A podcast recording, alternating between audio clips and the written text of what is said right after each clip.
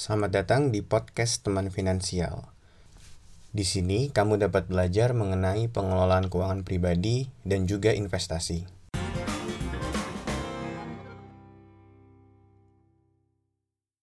Halo semuanya, ketemu lagi sama aku di podcast Teman Finansial. Pada podcast kali ini, aku mau membahas salah satu fenomena yang terjadi di akhir tahun 2020.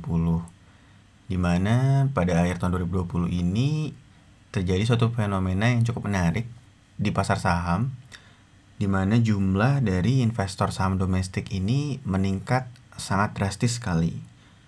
Kalau aku nggak salah dari data yang ada itu terjadi peningkatan investor domestik sebesar 53%, di mana dari 53% ini mayoritasnya didominasi oleh investor retail. Nah sayangnya kenaikan investor retail yang cukup tinggi ini itu tidak dibarengi dengan peningkatan literasi dari para investor retail yang baru masuk ini. Jadi kalau misalkan kita cermati lebih detail lagi, investor-investor retail yang baru masuk ke dalam pasar saham ini tidak memiliki ilmu yang cukup untuk menganalisa dan melihat saham mana yang bagus sebelum mereka membeli sebuah saham. Mereka ini masuk karena pada waktu tersebut muncul beberapa tokoh-tokoh publik yang mulai melakukan endorse saham. Namun sayangnya endorse sahamnya ini balik lagi ke tadi tokoh-tokoh publik ini juga nggak memberikan ilmu juga mereka cuma main menyebutkan kode sahamnya terus habis itu mereka mengencourage orang-orang untuk beli sahamnya dan muncullah. Kalau misalkan di pada waktu itu ya muncul sebutan-sebutan misalkan kayak mansurologi atau mungkin kayak sangmologi atau beberapa yang misalkan di endorse atau dipom-pom sama Raffi Ahmad atau juga Ari Lasso. Fenomena-fenomena kayak gini tuh sebetulnya menyedihkan sekali sih menurut aku karena pada akhirnya para investor retail baru inilah yang akhirnya terjebak. Jadi mereka datang dengan tanpa ilmu, kemudian mereka cuman ngikutin omongan dari si public figure tadi. Atau yang celakanya lagi, mereka mulai berinvestasi saham itu dengan bergabung ke grup-grup baik di Telegram atau mungkin di Instagram atau mungkin ngikutin salah satu sosial media di TikTok yang tujuannya adalah untuk ngepom-pom saham-saham yang sebetulnya secara fundamental tuh jelek. Ada beberapa yang mereka tuh malah terpercaya atau terperdaya oleh orang-orang ini. Jadi mereka beli saham itu bukan dengan menganalisa apakah perusahaannya bagus atau misalkan secara harganya tuh mungkin bagus atau menarik untuk dibeli tapi mereka belinya ya berdasarkan kayak tadi. Mereka lihat dari public figure mereka ngikutin dari para influencer saham yang yang tujuannya juga mereka si influencer saham ini juga cuman pom pom doang sih menurut aku. Dengan nunjukin nunjukin portofolio mereka yang isinya sahamnya juga kadang gak bagus juga. Terus habis itu mereka mengencourage orang untuk beli. Mereka buat grup telegram terus isinya ya di grup telegram tersebut cuman buat ngepom-pom aja. Jadi cuman buat nge-push harga suatu saham itu untuk naik. Dan celakanya saham-sahamnya nggak ada saham-saham yang fundamentalnya bagus. Yang mereka pom-pom adalah saham-saham yang secara fundamental jelek dan secara market cap itu kecil. Jadi mereka juga bisa mainin.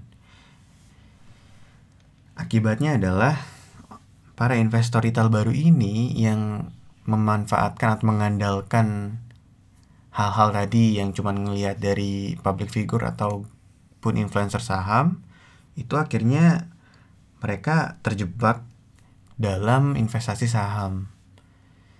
Dan yang mirisnya lagi mereka ini masuknya itu nggak dengan uang yang kecil. Jadi biasanya itu kalau misalkan kamu mau berinvestasi saham baru-baru gitu ya investor baru ya itu investasinya jangan terlalu besar dulu tapi mulailah dengan angka atau dana yang nggak terlalu besar tujuannya adalah untuk membiasakan dengan pergerakan harga saham Nah, karena mereka tergiur dengan para investor yang baru masuk di awal-awal. Jadi ketika di awal-awal di sekitar di bulan Agustus 2020 itu memang pasar saham tuh rebound gila-gilaan.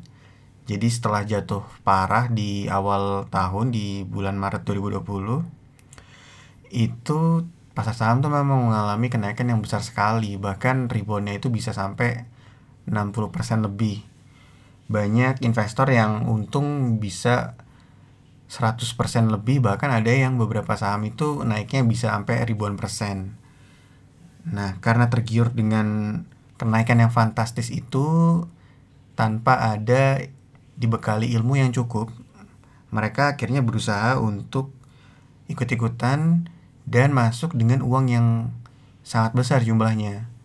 Bahkan banyak Kasusnya itu adalah mereka masuk dengan seluruh uang yang mereka miliki atau bahkan yang paling miris beberapa kasusnya kalau di akhir-akhir tahun 2020 itu muncul mereka itu berinvestasi dengan menggunakan utang.